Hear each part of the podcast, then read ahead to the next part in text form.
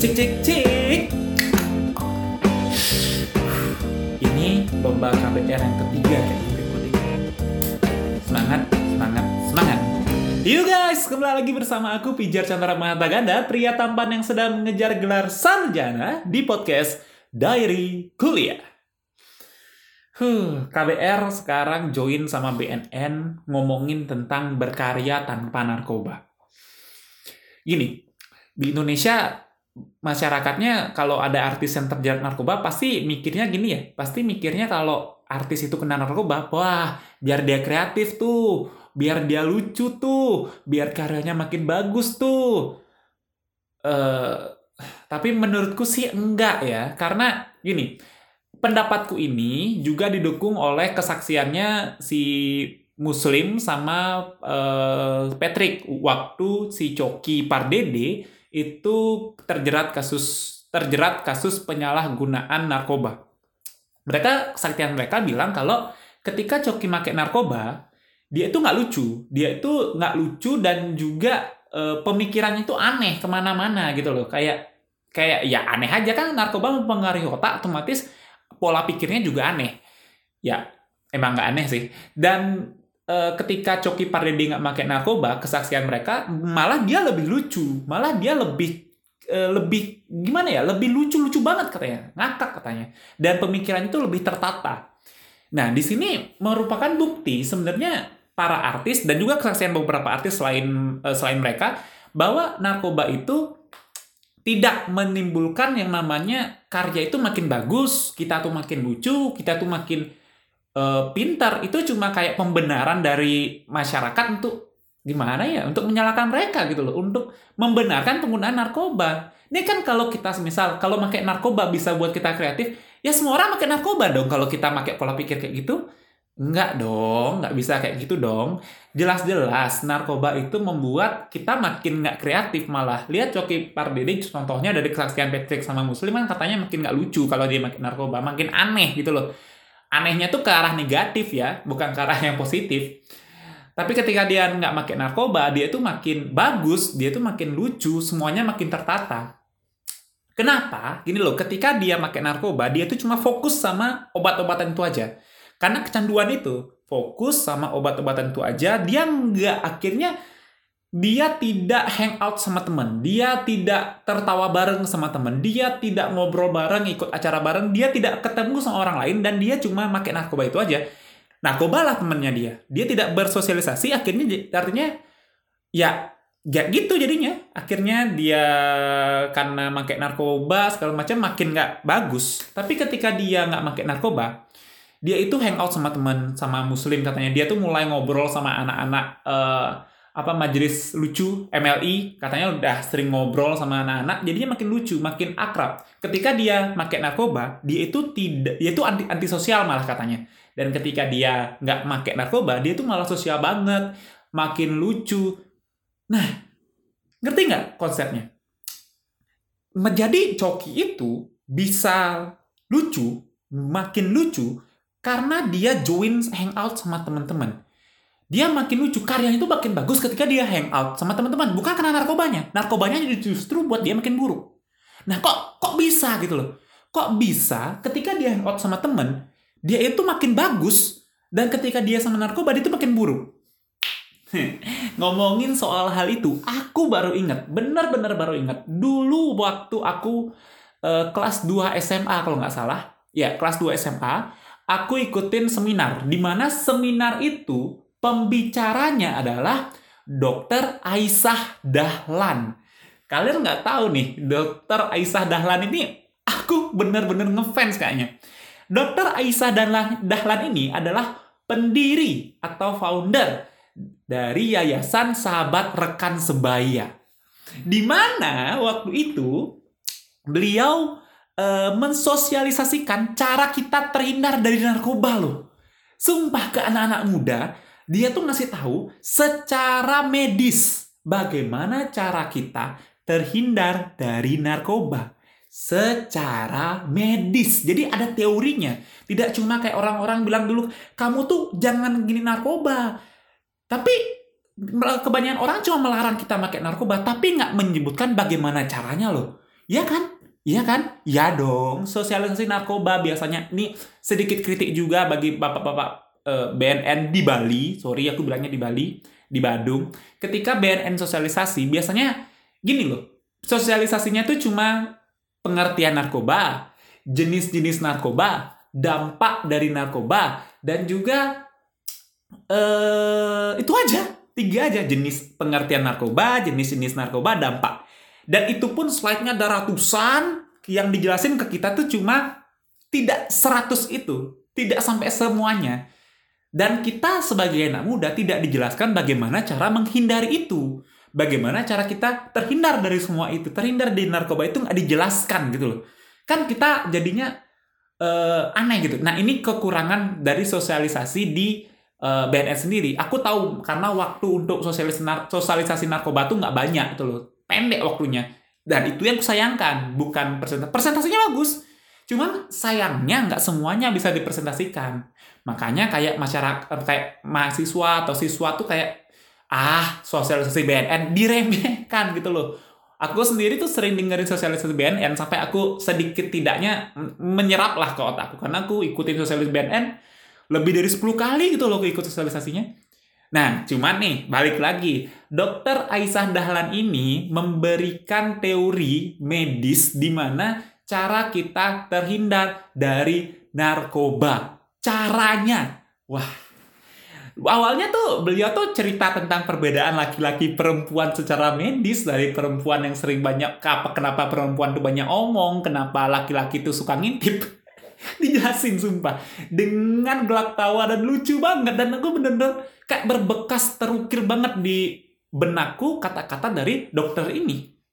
Dia bilang, cara kita terhindar dari narkoba adalah dengan menggunakan narkoba dalam diri kita. Itu kata-kata yang keren banget.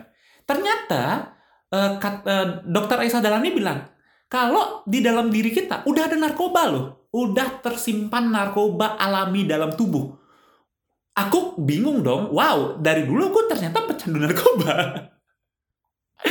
ternyata tapi bukan narkoba dalam artian luar narkoba yang dimakan-makan atau nggak disalahgunakan enggak. Yang beliau maksud adalah hormon endorfin. Hmm kalian tahu nggak apa itu hormon endorfin? Hormon endorfin ini nih menurut alo dokter. Nah Endorfin itu adalah zat kimia seperti morfin. Loh, seperti morfin. Morfin itu kan narkoba ya. Yang dihasilkan secara alami oleh tubuh dan memiliki peran dalam membantu mengurangi rasa sakit saat memicu saat memicu perasaan positif. Jadi ini mirip efeknya tuh kayak morfin. Morfin tuh kalau nggak salah narkoba juga kan?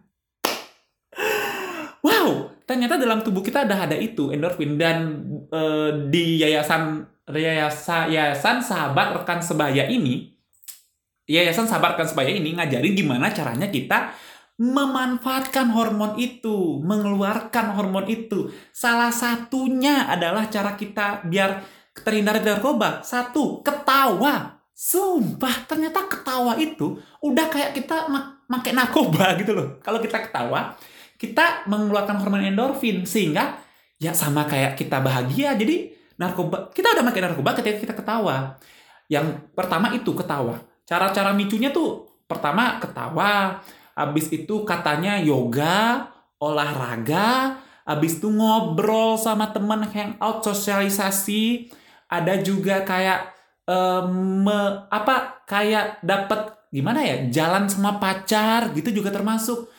Kalau kalau katanya tuh kalau udah suami istri uh, agak gini apa uh, berhubungan intim juga bisa menghasilkan hormon endorfin untuk orang-orang yang sudah bersuami berkeluarga itu memicu hormon endorfin.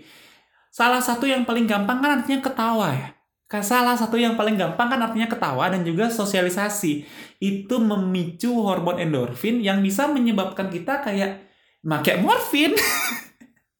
Jadi kalau kita ketawa, kita ngobrol sama teman, melakukan semua hal yang membuat kita bahagia atau enggak yang memicu hormon endorfin, itu sama dengan kita make morfin.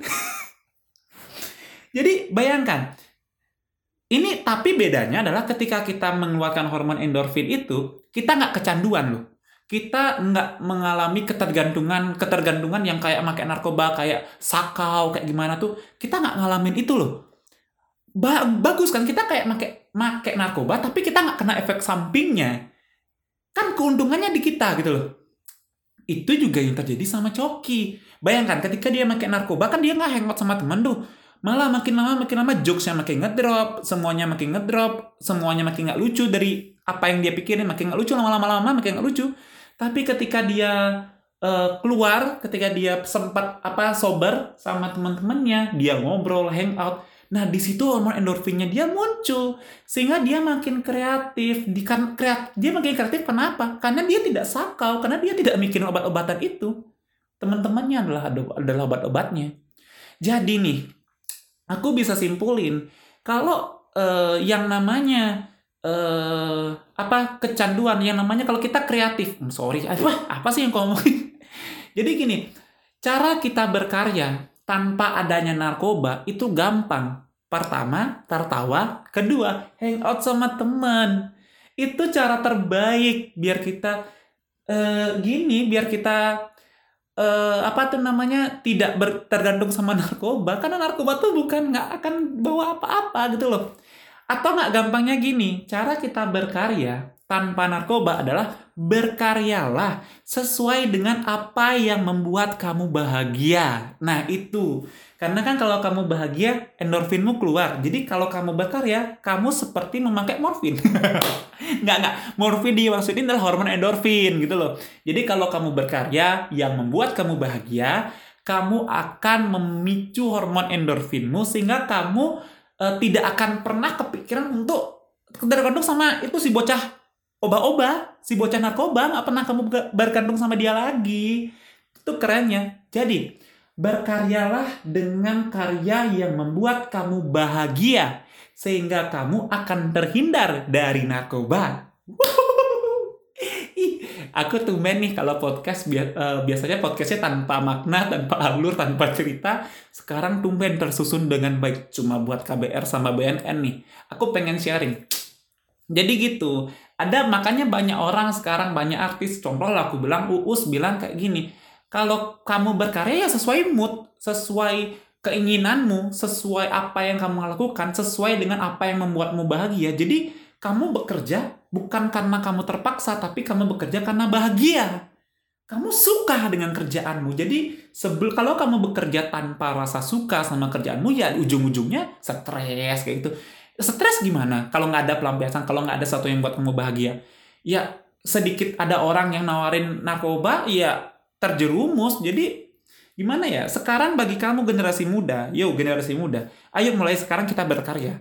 Apa pun karyamu itu, apa pun karyanya intinya buat kamu bahagia. Kamu buat video reels, kamu bahagia. Buat itu. Kamu buat video TikTok, kamu bahagia. Buat itu. Kamu ngelukis, kamu bahagia. Buat itu. Kamu ke podcast, kamu bahagia. Buat itu. Intinya, lakukanlah karya, lah, buatlah karya yang membuat kamu bahagia bukan sebaliknya.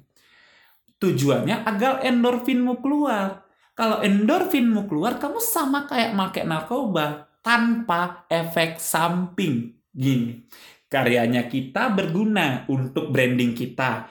Habis itu karena kita buat karyanya dengan rasa bahagia, itu kayak make uh, itu endorfinnya keluar. Jadi itu kayak pakai narkoba tapi nggak ada efek samping. Untung banyak kita. Kalian suka kan yang untung-untung kayak gitu beli satu gratis satu? Kalau ini enggak beli satu gratis beli satu gratis seratus. Kalian buat karya bahagianya selamanya. Intinya buat karya yang buat kamu bahagia dijamin deh. Kamu akan terbebas dari yang namanya kegelapan di dunia narkoba. Karena narkoba itu nggak baik. Itu cuma kayak racun di dalam darahmu. Aku pernah ngomong sama orang Oda. Orang Oda.